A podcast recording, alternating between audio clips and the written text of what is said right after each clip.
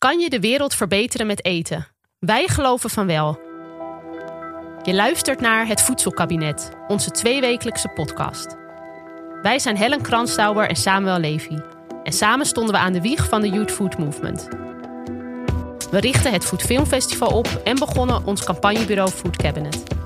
Hiermee voeren wij al acht jaar lang campagnes voor gezonder, eerlijker en duurzamer eten. Nu gaan we met de microfoon in de hand op bezoek bij een boerenfamilie. Proberen we zelf een week lang vegan te eten en onderzoeken we wie de macht heeft in ons voedselsysteem. We laten zien dat het echt anders kan.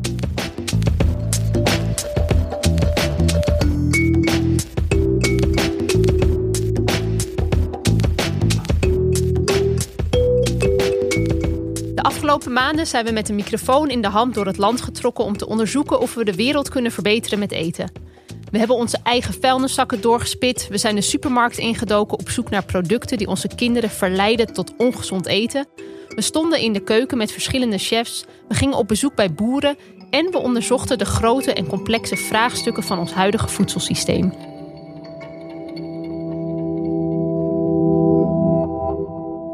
Maar met wie kunnen we beter het gesprek voeren over de toekomst van ons voedsel dan met onze minister van Landbouw, Natuur en Voedselkwaliteit?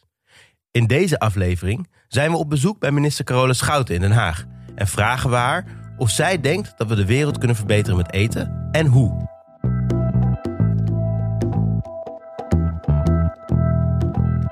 Hey Sam, jij bent politicoloog. Heb je ooit de ambitie gehad om minister te worden? Minister? Ja? Nou, ja, weet je, als politicoloog betaamt het je natuurlijk een beetje dat je, dat, dat je die gedachte wel ooit hebt. En ik ben eh, super gepassioneerd over voedsel. En dan is minister van Landbouw ongeveer het dichtstbij wat je kan worden. Want er, we hebben geen minister van Voedsel. Dus om heel eerlijk te zijn, ja, ik heb er wel eens over nagedacht. En om ook heel eerlijk te zijn, die gedachte ging binnen 10 seconden weer weg. want ik wil helemaal geen minister worden. Ik wil lekker kunnen koken. En ik heb best wel wat ministers gesproken. Want we, ja, ik vind het wel tof dat we vaak wordt, worden gevraagd om kennis te komen maken als er een nieuwe minister is. En af en toe mee te denken. En wat ik dan altijd hoor, is dat die ministers helemaal geen tijd meer hebben. En ja, dus nee, ik zou geen minister willen worden. Ja, ik snap het heel goed. Ik heb zelf ook niet die ambitie. Ik hoop wel dat er heel veel ook weer nieuwe jonge mensen zijn die dat uh, wel hebben. Want het is een super belangrijke functie en heel bepalend ook hè, van de gesprekken die worden gevoerd in Nederland als het gaat over voedsel. Wat lijkt je het moeilijkste aan minister zijn? Gewoon al die verschillende belangen uh, de hele tijd bij elkaar brengen. Um, en ook wel dat je net heel erg afstaat van de, de praktijk. Dat het toch wel heel erg veel discussies en debatten. in plaats van het gewoon doen uh, ja. en dingen in beweging brengen. Dat, uh, dat ligt mij in ieder geval veel beter. Ja. Desalniettemin is het wel heel belangrijk dat we goede ministers op die plek hebben. Want Zeker. Wat we wel hebben geleerd in al die afleveringen. die we de afgelopen jaar ook hebben gemaakt. Uh, is dat ja, welk thema je ook pakt. Het beleid beïnvloedt altijd de praktijk ook weer. En wat wel leuk is, is dat we in deze afleveringen dan ook iets anders gaan aanpakken. We hebben gewoon iedereen weer gesproken die we hebben gesproken het afgelopen jaar. En gevraagd, wat is nou jouw prangende vraag voor de minister? Ja, ja dus we zijn naar Den Haag gegaan met een, uh, eigenlijk met een tas vol. Met vragen van allemaal hoofdpersonen uit de vorige afleveringen. En we gaan uh, naar Den Haag, naar een van de mooiste vleugels van groot pand. Uh, in Den Haag, dicht bij het station. En we spreken haar in een hele statige, grote vergaderruimte. Het was sowieso de allerchiekste plek waar we opnames voor het voedselkabinet hebben gemaakt. Wim Lex en uh, Maxima hingen ook in die ruimte. Dus een super statige ruimte. En we hebben van Corolla begrepen dat het uh, niet alleen op dit ministerie het geval is. Ja, dat hoort hè. Dat, die, die hangen altijd overal op alle ministeries, dus ook hier. We hebben een heel bijzonder open gesprek gevoerd met de, met de minister. Dat was, uh, was echt ontzettend leuk. Uh, we zijn begonnen met de vraag: dit was natuurlijk een jaar als, als geen ander. En we waren heel erg benieuwd hoe dit jaar is geweest voor, uh, voor Carole Schouten. Het, het, is een heel intensief jaar geweest. waarin we natuurlijk aan de ene kant te maken kregen met toch een toenemende polarisatie ook in het debat. Um, en tegelijkertijd dat we gewoon hele grote opgaven hebben waar je wel weer een weg in probeert te zoeken. En, dat is nou ja, eigenlijk wel wat ik het afgelopen jaar heb gedaan. Stikstof is daar natuurlijk heel prominent in, maar er zijn ook nogal meer dossiers die daar gewoon spelen op het landbouwgebied, maar ook op natuur. En uh, nou, het is mijn doel altijd geweest om die werelden gewoon bij elkaar te brengen. Om, om landbouw en natuur niet als een tegenstelling te zien, maar veel meer in het verlengde van elkaar. Waarin je soms ook keuzes moet maken en, en waar ook grote dilemma's in zitten, die niet uit de weg te gaan. Ehm, en ik kom gelukkig ook wel echt veel mensen tegen die daar op die manier ook wel over willen nadenken. Ik bedoel, het lijkt ook wel net alsof er alleen maar geprotesteerd wordt en of er alleen maar mensen boos Ja, zijn. dat zijn natuurlijk de beelden die we in de media zien en op social media. Ja, en dat is ook, ik bedoel, dat, er is natuurlijk, dat is, er is ook onvrede en er is ook onbegrip. Eh, maar ik, heb gelukkig ook wel gewoon gesprekken met mensen die ook zeggen: ja, we moeten hier met elkaar uitkomen. En dan helpt het niet om alleen maar eh, naar een ander te gaan wijzen. Dan moet iedereen bedenken wat voor bijdrage je eraan kan leveren. En ik ook, ik bedoel, dat- ik niet in het minst. Maar het is niet een opgave die ik alleen maar kan doen. Hier heb ik Ja. echt iedereen bij nodig. Ja. Onze podcast die gaat over hoe je de wereld kan verbeteren met eten. Daar hebben ook heel veel mensen over gesproken. Heel veel, ook boeren, eh, nou ja, experts, bevlogen voedselveranderaars. Is er sinds u bent begonnen met uw ministerschap, is er veel veranderd in hoe u zelf omgaat met eten? En misschien ook niet alleen als minister, maar ook gewoon als Privépersoon. Ja, privépersoon. Van, ja, Ja, ik ben veel bewuster. Ja. Eh, en niet alleen bewuster in wat ik eet, eh, maar ook eh, bewust over van wat er allemaal achter zit. En dat wist ik voor een deel natuurlijk wel. Ik, bedoel, ik oorspronkelijk zelf van een boerderij, dus ik Ja. wist ook wel hoe voedsel geproduceerd werd. Maar ehm, eh, ook wel meer het, het, de, nou ja, de, de, de, dilemma's die er mee wegkomen. De, het spanningsveld waar boeren, eh, tuinders, eh, vissers ook allemaal in zitten. Eh, lage prijzen, hard werken, veel onzekerheid. En enerzijds weet je het wel, maar sinds ik hier werk ben ik me daar echt veel meer van bewust. en zorgt dat ook voor andere keuzes? Ja, ik ben eh, meer lokaal gaan eten. Ja. Ehm, dus ook echt wel meer eh, de korte keten, zoals we dat altijd technisch noemen. Ehm, niet altijd. Ik bedoel, ik ga ook gewoon naar de supermarkt en eh, ren daar naar binnen en eh, Ja. kijk ook wat daar is. Ik, maar dan kijk ik ook wel echt naar eh, seizoensproducten. Dus dat het ook wel. vandaan. dus, dus het stukje bewustzijn is toegenomen.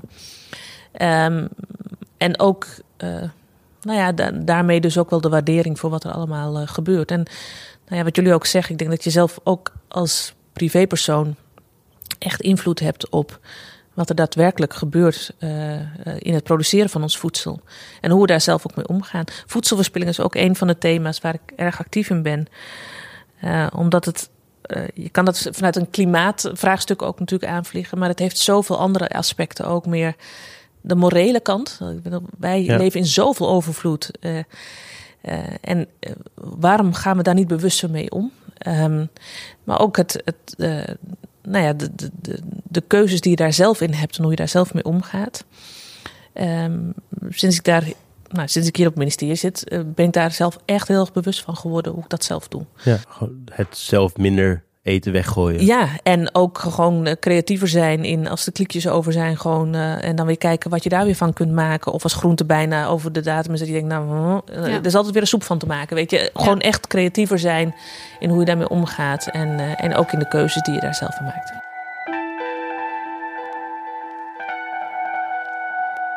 We hebben een vraag meegekregen van iemand die ontzettend creatief is eh, als het om voedselverspilling gaat. Of in ieder geval het, het koken met kliekjes. Erik Mhm. Korton, u kent hem misschien Ja, als eh, presentator.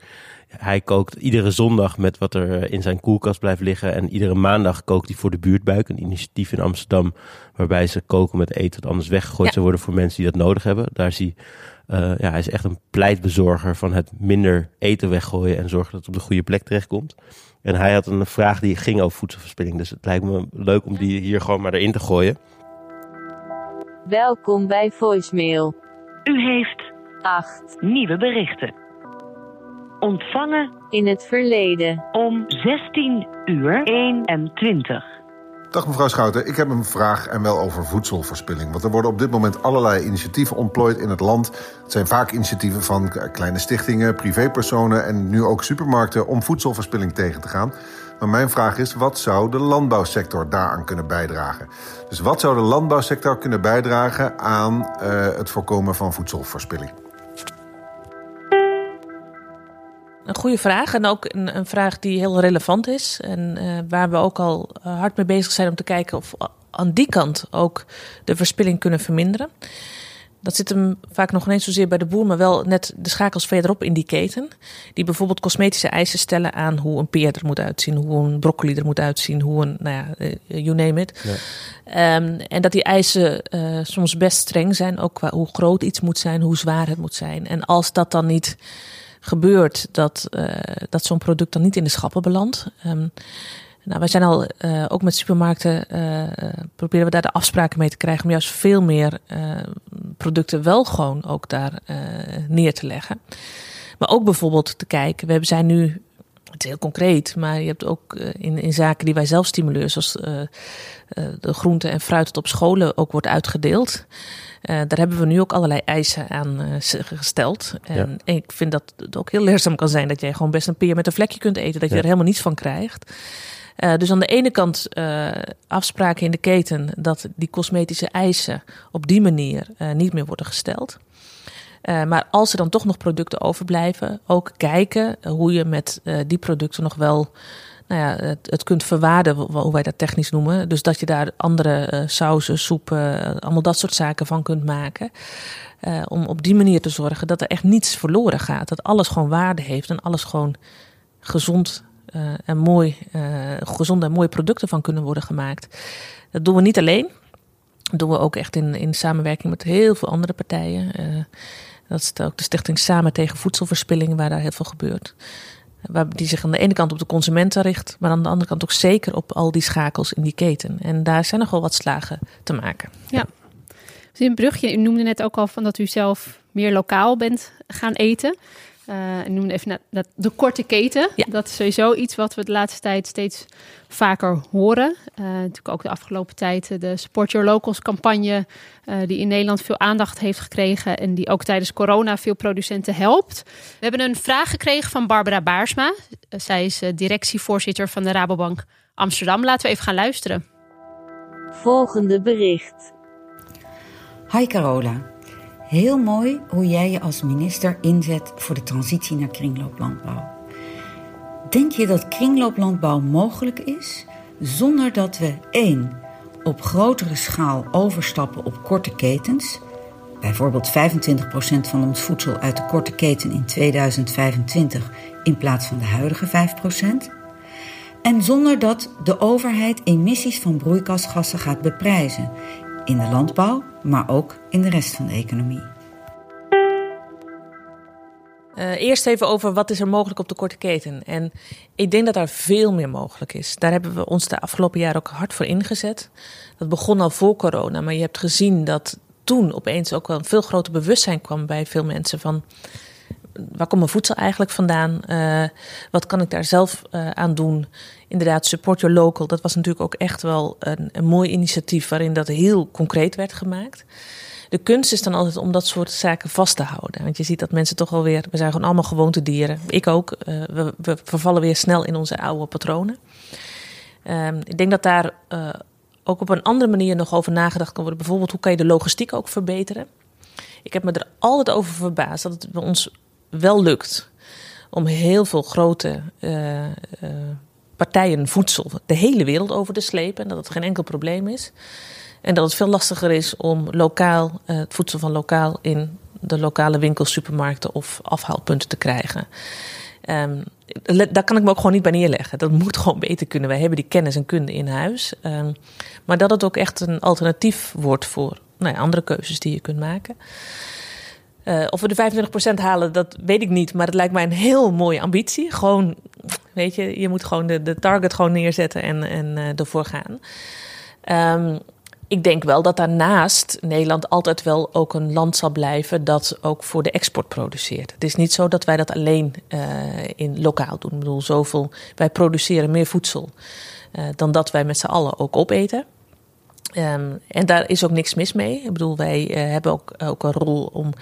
ik bedoel, wij, wij zijn een vruchtbare delta. Wij kunnen ook echt producten hier op een goede manier verbouwen. En overigens gaan de meeste producten ook echt wel naar de buurlanden om ons heen. Duitsland is onze grootste partner. Um, dus dat, dat zit heel toch relatief dichtbij. Uh, dus dat zal op zich ook nog wel blijven. Maar die diversiteit van de landbouw en op die manier ook zorgen dat bepaalde boeren die daarvoor kiezen op die manier ook gewoon een goede prijs kunnen vragen voor hun producten. Ik vind dat we daar veel meer mogelijkheden voor hebben. En daar hebben we ook, uh, nou ja, ook de hele actie voor de korte keten opgezet om dat te stimuleren. Ja. Ja. Kunt u iets verder ingaan op inderdaad het verdienmodel van de boer? Want inderdaad, ik denk dat Nederland is groot geworden met Ja. eh, grote volumes eh, voor een, goe- een, een lage kostprijs en dat, ja, echt gewoon heel efficiënt produceren.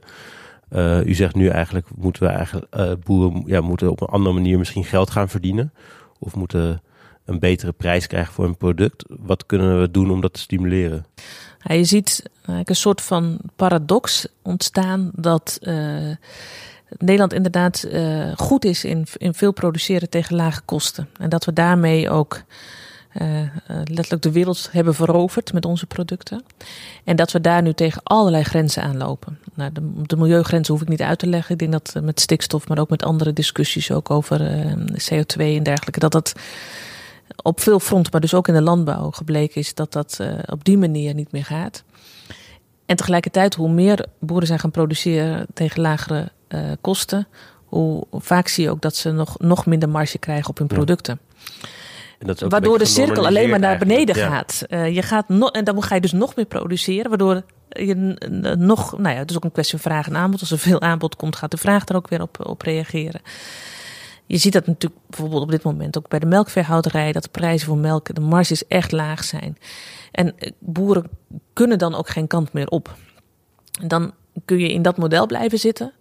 Of nadenken over van hoe kan je op andere manieren dan ofwel de kosten eh, veranderen of die opbrengst verhogen. Nou, dat is ook een van de zaken rondom kringlooplandbouw. Dat wij eh, ook zeggen, je kan veel meer reststromen die nu misschien wel waardeloos zijn, eh, ook weer waarde geven. En die ook op die manier weer inzetten in de hele kringloop. Ehm, tegelijkertijd ook eh, eh, kijken hoe je dan eh, de verwaarding van een aantal producten omhoog kunt krijgen. Dat zit soms ook, ook in concepten van korte ketens, maar ehm, eh, dat zit hem ook in, in hoe boeren met elkaar samenwerken en een goede onderhandelingspositie kunnen krijgen in dat soort trajecten. Daar zijn Ja. we ook hard mee bezig. Ehm, maar het is een heel weerbarstig vraagstuk. Omdat als overheid stuur je niet helemaal op de prijs. Ik bedoel, wij hebben juist bij landbouw nog best wel wat knoppen, maar ehm, dat is best ingewikkeld. En ik denk dus ook dat we, en dat dan in ieder geval in Nederland ook wel moeten nadenken, als we meer van boeren vragen, hoe kunnen we ervoor zorgen dat dat in die prijs ook terugkomt, maar dat, dat meer, die meerprijs ook echt bij die boer weer terugkomt. En niet ergens halverwege daar weer ergens blijft hangen. Ehm, eh, dus meer nadenken over beprijzing eh, zou wat mij betreft ook echt wel een van de opties zijn om hier eh, verder in te komen, mits dat geld echt weer terugkomt op dat boerenerf. Heeft u een voorbeeld waarvan u zegt van nou, als minister ben ik dat tegengekomen en dan vind ik dat het in die sector echt goed gaat of op dat, ja, met dat product? Of, Nou, ik zag, ik, ik, ik zie, ik, heb me, eh, het, is een, het is een klein voorbeeld, maar ik vond hem wel heel tekenend. Het, was twee jaar geleden kwam ik op Schiermonnikoog. En er was een groep met boeren, die, ehm, daar zitten, ik meen, zeven boeren. En die eh, hadden eigenlijk eh, een te grote druk op de natuur daar. Dus ze produceerden te veel stikstof met elkaar. Ze hadden eigenlijk te veel koeien voor dat eiland om, om die natuur daar goed in stand te houden. Op een gegeven moment is daar de natuurorganisatie met die boeren in gesprek gegaan. En die zei, kunnen wij niet kijken of jullie met minder productie, dus met minder druk op de natuur, toch nog hetzelfde inkomen houden. En eh, wij zijn daar toen heel hard mee aan, de slag gegaan, ook als LNV, gewoon om te kijken hoe kunnen we dat doen. Want dat zijn ook modellen waarin in zo'n regio, in zo'n gebied zelf wordt gekeken of waar een oplossing ligt. Zij hebben een, een zuivelcoöperatie zelf opgericht. Zij maken daar nu eh, kaas, eh, ook voor een, nou ja, een- met, met, met wat meer weerwaarde. Eh, we hebben ook gekeken hoe de subsidiestromen die gewoon bestaan, eh, ook vanuit Brussel, hoe we die goed beter kunnen richten. Ik bedoel, daar zit natuurlijk ook een deel van het geld eh, Ja. wat je ook kunt gebruiken. En dat lijkt nu te gaan lukken. Het is natuurlijk een heel klein voorbeeld, maar dat geeft mij wel moed dat we juist in dit soort initiatieven ook echt wel weer omslagen kunnen gaan maken. Misschien niet voor iedereen, Nee. maar het draagt allemaal wel bij. ja, de positieve voorbeelden moeten er zijn om andere mensen te laten volgen. Dat is een, En sowieso om te laten zien dat dingen kunnen. Ja. En dat vereist soms ook gewoon dat ehm, ook de werkwijze van het ministerie ook wel eens anders moet. Want wij denken ook vaak graag generiek over het hele land, dat alles hetzelfde is. Ja. En dat is ook niet zo. Ehm, dus ik heb ook veel geïnvesteerd daarin dat, dat we dit soort projecten ook echt kunnen ondersteunen. eh, niet alleen om, om ja, ook wel om, om te zorgen dat het lukt, maar ook om te laten zien dat er andere mogelijkheden zijn. En Ja. met creativiteit en wilskracht. En eh, voor ons ook een beetje flexibiliteit eh, die wij dan kunnen geven. Op die manier dat we ook verder kunnen komen. Misschien een mooie brug naar eh, een andere vraag die we kregen. Gaat ook over het financieren eigenlijk van andere vormen van landbouw. Eh, creatieve vormen van landbouw. En dat is eh, een vraag die kwam van Emiel van der Staak. Hij is chef van eh, restaurant De Nieuwe Winkel in Nijmegen. En hij werkt nauw samen met Wouter van Eck. Hij is groot pleitbezorger van voedselbossen in Nederland. Laten we even naar zijn vraag luisteren. Volgende bericht. Beste Carola Schouten. In de eiwittransitie spelen noten een grote rol. Alle gezondheidsadviezen schrijven voor eet meer noten. Daar ligt de toekomst. Om die reden zijn ze belangrijk in mijn keuken. Maar wat schetst mijn verbazing als ik me verdiep in de herkomst van het aanbod. Veel komt van ver. California, Chili, China. Nu gaat er zo'n 800 miljoen euro aan landbouwsubsidies rond. Het overgrote deel gericht op een aanpak waarvan we weten dat het niet werkt. Ik zeg, we planten meer notenbomen. Aangevuld met meerjarige eetbare gewassen in een voedselbossysteem bijvoorbeeld. Zo vangen we CO2 af, neemt biodiversiteit en bodemvruchtbaarheid toe en we eten gezonder en gevarieerder. Draagt u hieraan bij door de subsidiestroom te richten op een toekomst met meer notenbomen en voedselbos. Nou, we gaan sowieso, eh, heb ik ook, eh, ook vanuit het klimaatakkoord, maar daar waren we zelf ook al mee bezig, eh, om eh, duizenden hectares meer bos aan te gaan leggen. Eh, Het is gewoon belangrijk, ook voor de biodiversiteit. Eh, ze, ze binden ook CO2 natuurlijk. Eh, we kunnen ze ook inzetten voor duurzame bouwmaterialen, et cetera. Eh, dus, eh, en sowieso dat mensen natuurlijk enorm genieten van de natuur en het bos. Dat hebben we de afgelopen periode denk ik ook gezien. De toeloop op de bossen en was enorm. Maar het geeft al aan hoeveel waarde mensen ook hechten gewoon aan, aan, aan zo'n mooie omgeving. En ehm, eh, ik vind het ook een, een mooi voorstel om te kijken hoe je daar dus ook nou, meer dit soort ideeën ook meer in kunt integreren. Ehm, eh, want ik, eh, een voorbeeld hier, de noten, die, die worden ook vaak over de hele wereld heen gesleept, inderdaad. Met ook weer alle CO2 footprints van dien. Ik bedoel, als je dat allemaal bij elkaar op gaat tellen, dat is, eh, nou ja, daar zijn ook nog wel wat, wat opties om dat te verminderen. Ehm, en eh, juist in die voedselbossen zie je al dat daar eh, stappen worden gezet. Dus ik vind het ook wel een interessant idee om daar te kijken hoe we dingen daarbij kunnen gaan combineren. Ja, en liggen daar voldoende kansen ook voor? Nou ja, hij had het dan inderdaad over Europese subsidies. Ja. Dat die dan natuurlijk vooral gericht zijn op nou ja, misschien de landbouw zoals we die nu kennen. Heb Ja. jij het, heeft u het gevoel dat daar ja, voldoende eh, ruimte zit of misschien komt? Op dit moment is dat nog best lastig, zeg ik ook eerlijk. Ja. Ehm, want je ziet dat eh, we zitten nu midden in een discussie over dat, dat landbouwbudget en ook van welk deel daar veel meer voor eh, vergroening is. Maar die is vooral op gericht ook op, op meer waterbeheer, eh, eh, natuur, wat wij noemen de eco-regelingen. Ehm, dus dat zit hem niet gelijk op, op de waardering van, eh, van dit soort initiatieven. Ehm, maar ik zou veel meer gaan, willen gaan kijken ook hoe we nou ja, als wij gewoon ook al eh, meer bos willen gaan aanleggen, hoe je bepaalde functies ook kunt gaan combineren daarin. Eh, want ja, als die boom nou eenmaal geplant wordt, dan kan het ook gewoon een notenboom Ja. zijn. Ja, over- als we het over diversificering van de landbouw hebben, dan hebben we ook nog een eh, leuke vraag van Marijn Tol. Zij is executive chef bij A Beautiful Mess, een restaurant dat nieuwkomers een kans geeft in de Nederlandse horeca. Zij heeft een leuke vraag, laten we daar naar luisteren. Volgende bericht. Ik ben heel erg benieuwd hoe het ministerie van Landbouw omgaat met nieuwkomers die uit agrarische gebieden komen. Ehm, of zij ingezet worden in, eh, ja, in eigenlijk onze agrarische wereld op een manier dat zij eh, en hun kennis en expertise kunnen inzetten eh, en zich ook hier kunnen ontwikkelen in de agrarische sector. Dus ik ben heel benieuwd of het ministerie van Landbouw en wellicht in samenwerking met andere ministeries ehm, daar een plan voor heeft. Want dit soort vluchtelingen gaat natuurlijk waarschijnlijk de komende jaren, decennia alleen maar toenemen.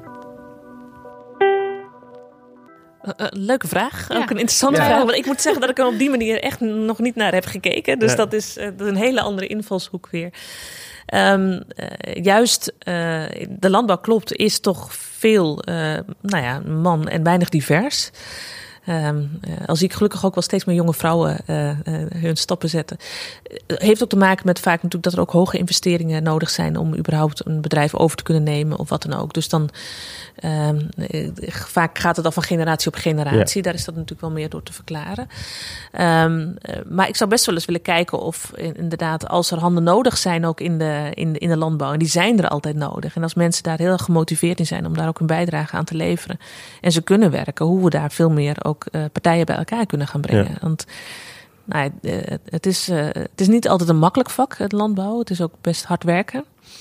Maar het belangrijkste is dat je daar inderdaad gewoon intrinsiek door gemotiveerd bent. En, nou, als dat zo is, en als het mensen zijn die, nou ja, die, die ook gewoon kunnen werken, dan lijkt me dat ook een, een mooi voorstel om eens te kijken of we daar partijen bij elkaar kunnen gaan brengen. Ik bedoel, ik, wij zijn geen bemiddelingsbureau voor, Nee. eh, voor bedrijven om, eh, om, om personeel te, te zoeken. Ehm, maar als daar gewoon opties liggen, en ik zou ook gewoon zeggen, kom zelf ook met de voorbeelden, want dan kunnen wij ze ook wel weer eh, doorgeleiden, zeg maar, en kijken hoe. nou ja, hoe Ja. in de land- en tuinbouw daar zelf ook mee, mee omgaan. Ja, dat daar, als daar vraag is naar, naar arbeid, hoe je daar ook de, de, de partijen eigenlijk bij elkaar kunt brengen. Ja. Eh, maar het is een leuke vraag. En, Ja. en, Ik vond het ook eh, een ja. interessante triggerde mij ook heel erg om na te denken over. Inderdaad, je hebt natuurlijk een heel groot, ja, het is een be- beetje onbenut potentieel als die mensen niet de toegang vinden. En als ze dat wel zouden willen, terwijl je eigenlijk weet dat er een Ja. hele grote vraag is eh, naar arbeidskracht. Absoluut. En arbeid is een van, wordt steeds meer de, ook alweer de, de bottleneck gewoon in de landbouw. Eh, dat zie je nu eh, met name ook al in de tuinbouw natuurlijk gebeuren, maar ook in de, in de landbouw. En dat vond ik afgelopen corona ook alweer bijzonder, dat je ook zag dat nou ja, mensen die eerst in de horeca werkten, er waren, ik las daar verhalen over die dan asperges gingen steken. Ja. En dat een, iemand zei van nou, geweldig dat dat gebeurt. En, en dat je opeens, maar dat mensen ook zeggen, ja, je waardeert opeens dan ook alweer Ja. het, het, eh, het gemak waarmee je alles eigenlijk eh, in de supermarkt of, of waar dan ook koopt. Eh, want er zit heel veel werk in. En, en het is ook best hard werken. Ja. Eh, maar Daar hebben we ook een hele leuke vraag We over. hebben een vraag Oh, meegekregen, toch? Want inderdaad, de eh, seizoensarbeiders, eh, dat was inderdaad dat initiatief deze zomer. Ja. Natuurlijk de hele nou ja, horeca eh, plat lag, maar ook alle festivals. Dus Ja. dat er heel veel ja, mensen waren die eigenlijk zonder werk zaten. En dat was een initiatief om de cultuursector te verbinden aan de agrarische sector. Ik ben toen ook langs geweest op een, eh, een bedrijf om te kijken hoe dat in zijn werk gaat. Je had asperges geplukt ook, toch? We hebben het- Gestoken. eh, Oh ja, asperges. sorry. Pluk je niet. Oh. Oh jee, ik, ik, ik was niet mee. nee, en het was witlof. Het was, oh ja, je hebt Ja. witlof geplukt, dat was het. Ehm, nee, en we hebben een vraag gekregen van Kester Scholt. Hij is eh, een van de initiatiefnemers van de seizoensarbeiders. En hij heeft een hele leuke vraag. Luister maar. Volgende bericht. Beste Carola Schouten. Onze vraag gaat over de arbeid in de Nederlandse landbouw. In uw visie uit 2018 omschrijft u het motto van circulaire voedselsystemen als lokaal wat kan, regionaal of internationaal wat moet. Betreft arbeid wordt in die visie niet nadrukkelijk genoemd. Vindt u dat dit motto ook moet opgaan voor seizoensarbeid in de landbouw? Zo ja, wat is volgens u nodig om dit te realiseren? Ik denk dat we dus ons sowieso erop moeten instellen dat eh, de animo, dat is natuurlijk al nu zo het geval. Het is vaak eh, hard werken, lange dagen maken. En als je Ja. alternatieven hebt, eh, gaan jongeren, maar ook ouderen, natuurlijk al snel kijken naar andere plekken waar ze dat kunnen doen. Gelukkig zijn er ook nog mensen die echt wel eh, de schoonheid van het vak inzien, laat ik het zo maar. Eh, Maar ehm, tegelijkertijd is dat ook een ontwikkeling waar, waar je dat zelf niet zo markeert. Dus ik geloof dat ehm, innovatie op dit soort onderdelen ook echt van groot belang is. Ehm, een voorbeeldje, ik zag niet zo heel lang geleden ook een, een plukmachine voor paprika's. Ehm, nou, dat stond ergens in een hoekje. En toen ik stond bij de rijk dacht, ja, maar dit is wel, dit zijn ook echt zaken die wij gewoon nodig gaan hebben om te zorgen dat we straks wel dat voedsel ook lokaal kunnen produceren. Want als die handen er niet meer zijn en die innovatie heb je niet, en op een gegeven moment trekt dat ook gewoon weg, dan is, dan is die productie hier gewoon ook niet meer. Dus daar, ik geloof niet dat je daar aan ontkomt. En daar moet je ook veel meer aan doen om te zorgen dat, ehm, eh, dat je daar ook bepaalde producten hier nog kunt, eh, eh, kunt produceren. Ehm, tegelijkertijd ik, zag ik deze zomer inderdaad wel mooie initiatieven waarin partijen ook bij elkaar werden gebracht. Soms zijn we ook gewoon echt verleerd om, te luisteren en te zien wat er bij een ander gebeurt, letterlijk op het erf. Ehm, sinds ik minister ben, zie ik wel hier een, een, een- dat trek wat, net wat bredere discussie over. Ehm, we hadden het net al even over de polarisatie. Polarisatie is vaak ook onwetendheid. Uh, dat je echt weet wat er speelt, wat de dilemma's zijn. Maar dat er wel hele sterke beelden zijn over hoe een ander het doet of waarom die het doet. Van allebei de kanten. Dat, is, uh, dat is geen plek uitgezonderd.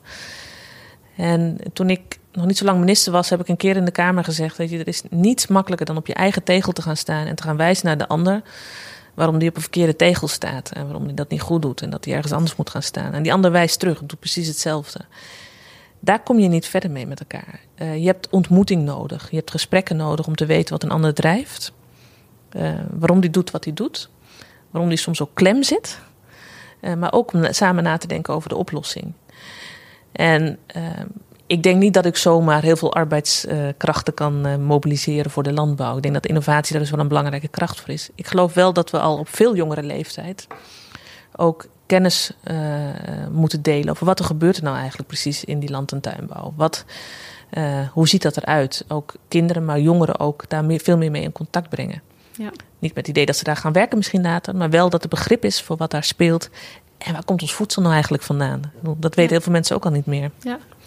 Wat eigenlijk gek voor zo'n land als Nederland, waarin landbouw zo prominent aanwezig is. Dat het ja, maar soms ook echt om de hoek. Ja, gebeurt, maar soms dan ook letterlijk ook wel weer ver weg is. Ja. Uh, omdat, je, omdat het toch gesloten uh, werelden zijn, van allebei de kanten. Iedereen zit in zijn eigen wereld, in zijn eigen bubbel. Uh, misschien ook, ook landbouw, tuinbouw, ook aan de ene kant, die zegt: men weet allemaal niet wat wij doen. Er was nog niet zo lang geleden ook een, een enquête over hoe vanuit de stad naar de landbouw werd gekeken, vanuit de landbouw naar de stad werd gekeken. En er waren precies dezelfde beelden, alleen dan spiegelbeeldig. Ja. Um, en ik geloof dat wij als overheid daar dus wel een rol in hebben. Dus ook jongeren, kinderen vroeg al educatie geven over, over voedsel. Um, uh, ze ook zelf veel meer met, met uh, schooltuinen en dergelijke ook laten, nou, letterlijk met hun handen in de, in de grond uh, te laten zitten. maar ook meer de gesprekken faciliteren. Eigenlijk wat jullie ook doen. Uh, ik vind dat wel mooi. Als, ik zie nooit zo heel veel um, uh, trekkers naar de stad toe komen, behalve als er een demonstratie is op het Malieveld, wat ook nog wel regelmatig gebeurt tegenwoordig. Maar wanneer gebeurt het wel? Als er een gespreksronde is in het Pakhuis de Zwijger, waar gewoon boeren uitgenodigd worden, ook om hun verhaal te doen. En dat is goed. Dat moet veel vaker gebeuren. We hebben ook een hele leuke vraag gekregen van Imke de Boer. Zij uh, heeft dit jaar de Rockefeller Food System Prize ingediend. Dat kent u misschien wel. Uh, zij heeft een hele leuke vraag voor u over uw ministerschap en het beleid wat u nu voert. Volgende bericht. Beste minister Carola Schouten. Ik ben heel erg gecharmeerd van uw visie over natuurinclusieve kringlooplandbouw. En denk dat het belangrijk is. Maar ik maak me een beetje zorgen over de verankering van dit beleid op de lange termijn. Omdat ik denk dat het belangrijk is dat we consistent integraal lange termijn beleid hebben richting duurzame landbouw en een duurzaam voedselsysteem. Dus ik wil u vragen hoe u dat voor zich ziet om dat te gaan verankeren in de toekomst.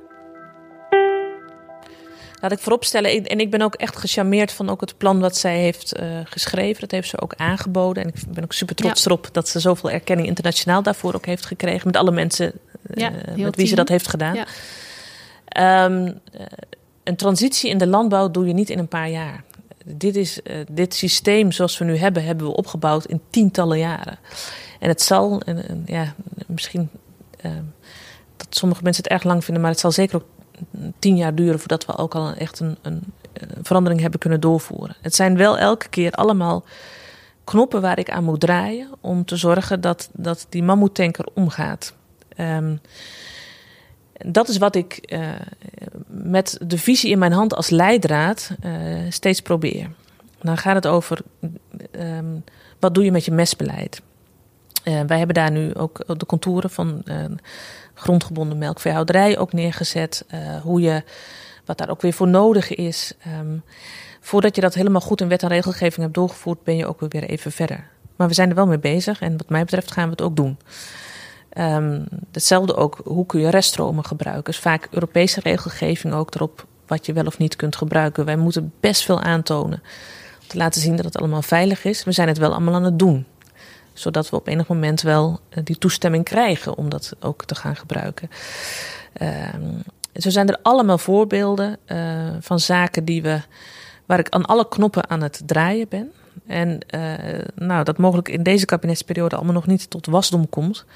Maar wel waar alles klaargezet is om dat daarna wel voor elkaar te gaan krijgen. Uh, tegelijkertijd heb je ook een aantal doelen nodig. Ik denk dat met name rondom het stikstofdossier hebben we daar natuurlijk wel een aantal doelen ook geformuleerd. Maar mijn uitdaging is veel meer om dat niet alleen op stikstof te doen, maar veel integraler ook voor biodiversiteit daarin mee te nemen. Um, uh, milieudruk, zeg maar. Omdat ik ook denk dat, dat hoor ik ook wel vaak, dat boeren zeggen: ja, elke keer krijg ik wat anders op mijn, op mijn bedrijf. Elke keer komt ze weer met iets anders. En, hoe, en soms ook tegenstrijdig. Ja. Wat waar is. Um, en ja, dan krijg ik dat op mijn bedrijf. En dan moet ik daar gewoon maar zorgen dat ik het allemaal maar zelf uitvogel hoe ik dit, uh, uh, nou, waar ik een of andere soep van ga maken. Um, dus ik denk dat juist ook um, als je over stikstof en nadenkt, dan denk je niet alleen over dat stofje, maar hoe kan je gewoon um, een bedrijf veel meer ook in balans met die natuur laten werken.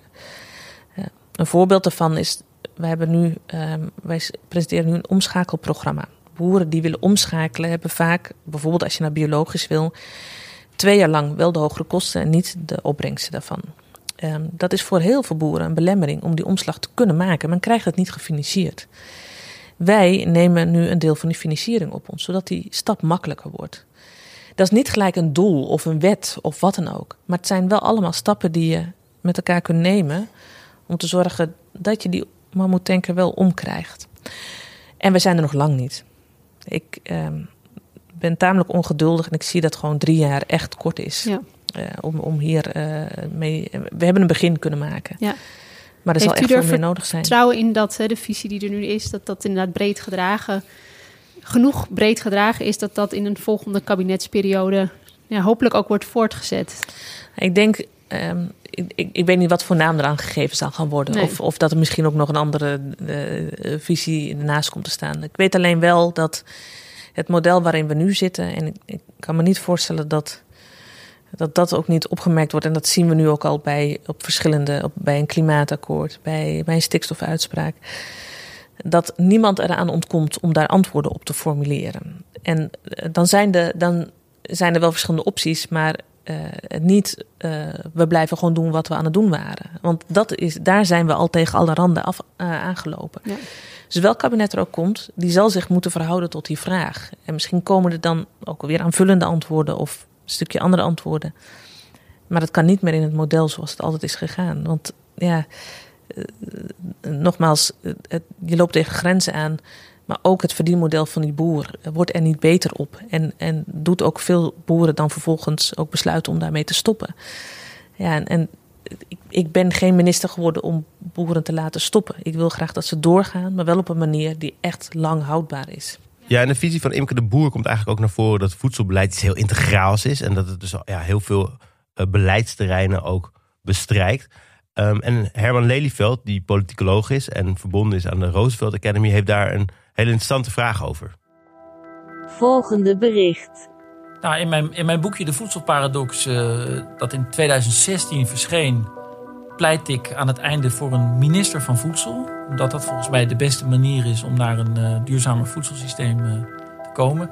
En mijn vraag aan de minister zou zijn: na vier jaar minister geweest te zijn, zou u dat ook een goed idee vinden om een minister van Voedsel aan te stellen in het nieuwe kabinet? Het, het, zit voor mij helemaal niets van die naam. Want ik denk juist dat het eh, de uitdaging is, wat ik net zei, om al die vraagstukken bij elkaar te brengen. Ja. En, en dat is in ieder geval wat ik heb geprobeerd en wat ik ook heb ervaren. Als ik dan denk over voedsel, dan zou, nou, als je het hebt over. Uh, een stukje zit er nog bij VWS. En, en uh, uh, dat zit met name ook rondom preventie en, en reclame en dat soort ja. zaken. Um, ik denk dat daar nu ook al gewoon de goede stappen worden gezet. Ja. Um, maar tegelijkertijd is, is ook de educatie. Ik bedoel, wij, uh, wij hebben ook programma's draaien op, op voedseleducatie voor jongeren. Um, ook meer het bewustzijn van voedsel en ook de, uh, de verhouding tussen dierlijk en plantaardig. Dat is natuurlijk ook een, een hele uh, nou ja, actuele ja. discussie, laat ik het maar zeggen. Um, daar zijn wij ook mee bezig. Dus het is niet zo dat, het, uh, dat voedsel er achteraan komt. Ik zeg altijd, ik heb het ministerie waar echt niemand omheen kan. Want iedereen, ongeacht waar je vandaan komt, hoe je heet, wat je achtergrond is, iedereen heeft elke dag voedsel nodig. En daar gaan wij over. We hebben alles gehad. We hebben alle vragen gehad. Nou, we hebben één vraag niet gehad. We hebben eentje overgeslagen. We hebben Leonie niet oh, gehad. ja. Vertel, Ja. Wat, welke is dat? Dat gaat eigenlijk Ja, over. Nou, dat, dat sluit hier dan wel weer een beetje op aan. Ja, nee, zij eh, is specialist kinderrechten bij UNICEF. En die zet zich natuurlijk heel erg in voor eh, gezonde voeding bij kinderen. En ook het tegengaan van kindermarketing. Laten we even luisteren naar de vraag van Leonie. Volgende bericht. Beste Carola Schouten, wat zou u in uw functie kunnen doen om ervoor te zorgen dat het grotere aanbod aan gezonde en duurzame voeding ook meer onder de aandacht komt bij kinderen, zodat gezond meer de norm wordt? Dit was het laatste bericht. Dat, dat heeft een heel belangrijk deel ook met educatie te maken. Eh, we hebben nu gezien dat er ook, ehm, eh, dat is ook vanuit het kabinet gekomen, meer proeven ook in, dat was met name in, in Limburg, om te kijken of wat voedsel kon doen met de gezondheid van kinderen. Er is echt een langjarig programma opgezet. Waarin ook met, met artsen is gemonitord, eh, met, eh, met iedereen, nou ja, veel deskundigen van wat, wat gebeurt er nou eigenlijk. Nou, het, dat, het, ging heel goed met die kinderen. Ze waren gezond en ze waren ook heel blij en, en vonden het leuk om, om allerlei verschillende smaken te proeven en echt voedsel te leren kennen. Maar wat ik het mooiste nog vond, is dat die kinderen thuis gingen vragen eh, om dat voedsel. Eh, voedsel is soms ook gewoon eh, gemak, zeg ik, maar soms met, met spijt in mijn, met spijt eigenlijk, want voedsel is helemaal geen gemak. Het is, het is een voorrecht dat we het zo hebben in zulke hoeveelheden tegen deze kwaliteit. We mogen ook heel dankbaar voor zijn.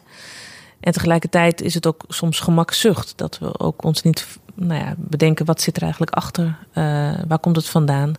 Dus ik geloof heel erg erin om, om bij jonge generaties al te beginnen. Nou, dat doen we met dit soort programma's bijvoorbeeld. Maar ook eh, door, door schooltuinen, door eh, jong leren eten programma dat we ook hebben draaien. Dat kinderen op school ook daar ervaring mee opdoen. Ehm, kennis. Wat gebeurt er nou eigenlijk precies? Eh, gesprekken aangaan ook van, eh, eh, met degene die dat voedsel ook, ook maken. Gewoon laat ze maar in de klas komen, die boeren, die tuinders, die vissers. Dat ze ook eens vertellen hoe hun dag eruit ziet en waar zij mee bezig zijn. Ehm, eh, maar ook zorgen dat er echt wel gewoon goede afspraken worden gemaakt over marketing en eigenlijk het tegengaan van, van, van kindermarketing. Daar is mijn collega Paul Blok, Blokhuis nu ook echt heel erg mee bezig. En ik hoop dat het volgende kabinet dat zeker ook volhoudt. Want eh, voedsel moet geen keuze zijn vanwege het plaatje wat op de verpakking staat. Maar gewoon of dat het ook gezond en lekker is. Ja. Moet wel ook wel lekker zijn. Dat merk ik wel bij, bij de kinderen. Als ze het niet lekker vinden, nemen ze het niet. Dus eh, Zeker. dat is ook weer de Eh, uitdaging. om herkenbaar. het, om het lekker te maken. Maar dat, bij onszelf, toch? ook, ook bij zelf, ja, zeker, Ja. zeker. En, eh, eh, maar dat kan ook.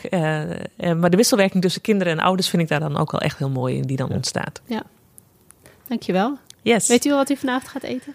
Nee, nog niet. Nee. Nee, nee, ik moet er echt nog even over nadenken, inderdaad. En, eh, Heeft u met deze functie tijd om nog te koken? eh, ik heb wel, in, ik moet zeggen dat coronatijd er wel voor heeft gezorgd dat ik s'avonds iets vaker thuis ben. Normaal had je natuurlijk eh, ook vaak bijeenkomsten en dergelijke. Dat gaat allemaal niet meer door of gaat via de WebEx. Dus dat kun je dan ook vanuit huis doen s'avonds. Ehm dus dat maakt dat ik dan ook wel iets vaker thuis eet. Eh, maar voor vanavond eh, moet ik er toch nog eventjes over Ja. nadenken. Het is goed dat je het zegt. Ik Ja. ga eens even bedenken. Even bedenken. Eet smakelijk alvast. Jullie ook. Dankjewel.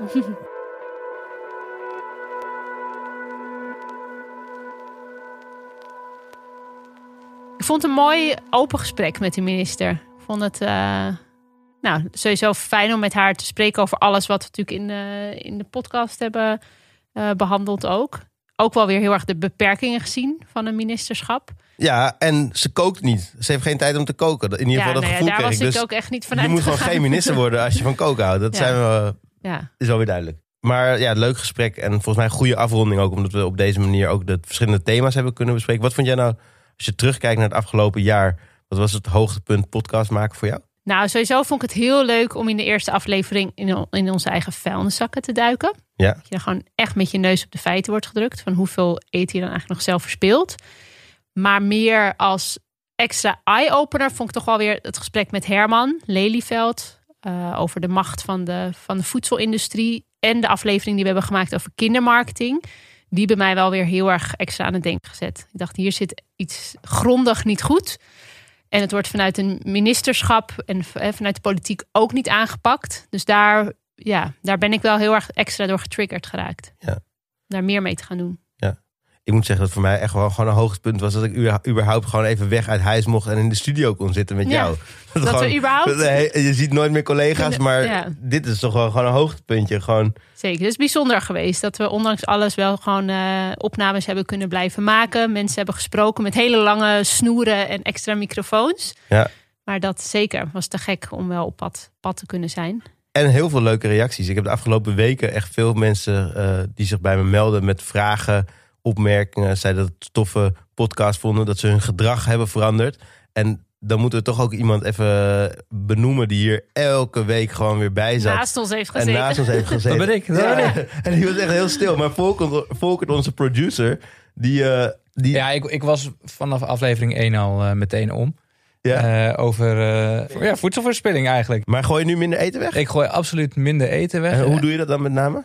Nou, inderdaad, wat je toen ook al vertelde in die aflevering... is dat je gewoon oud brood nog prima kan gebruiken voor andere gerechten. Nou, ik ga er geen eh Paneermeel. paneermeel, nee. maken als het ware. Door te Nee, maar wel wentelteefjes. Of, eh, Je hebt een weet je- broodrooster gekocht. Ik heb een broodrooster, daar, daar stop ik het nu in... in plaats van dat ik het in de prullenbak gooi. Ja.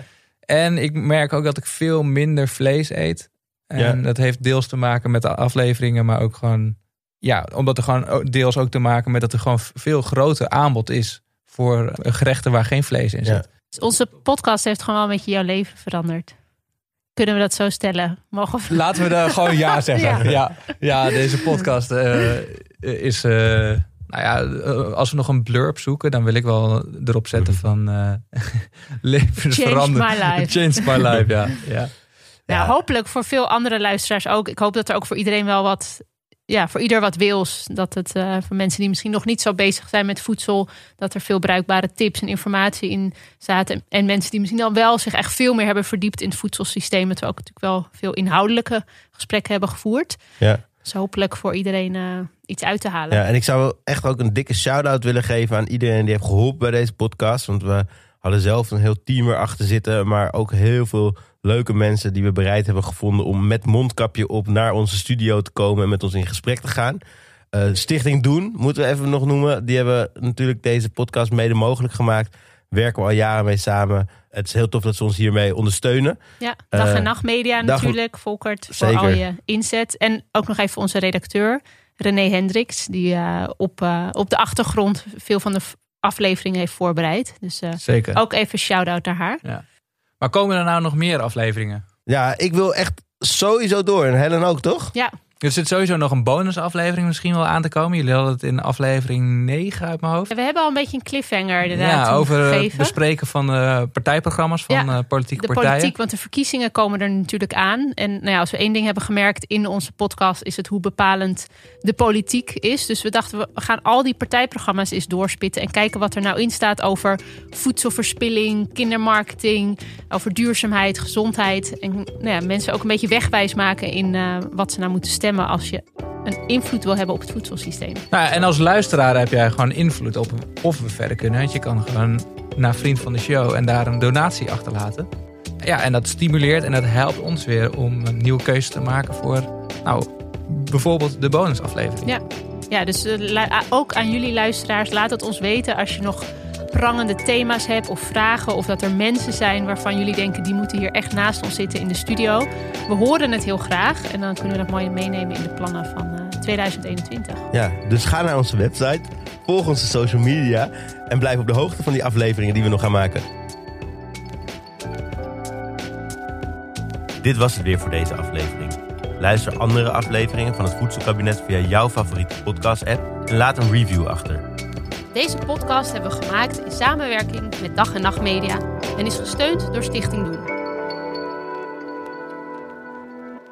Om het bericht nogmaals te beluisteren, toets hekje.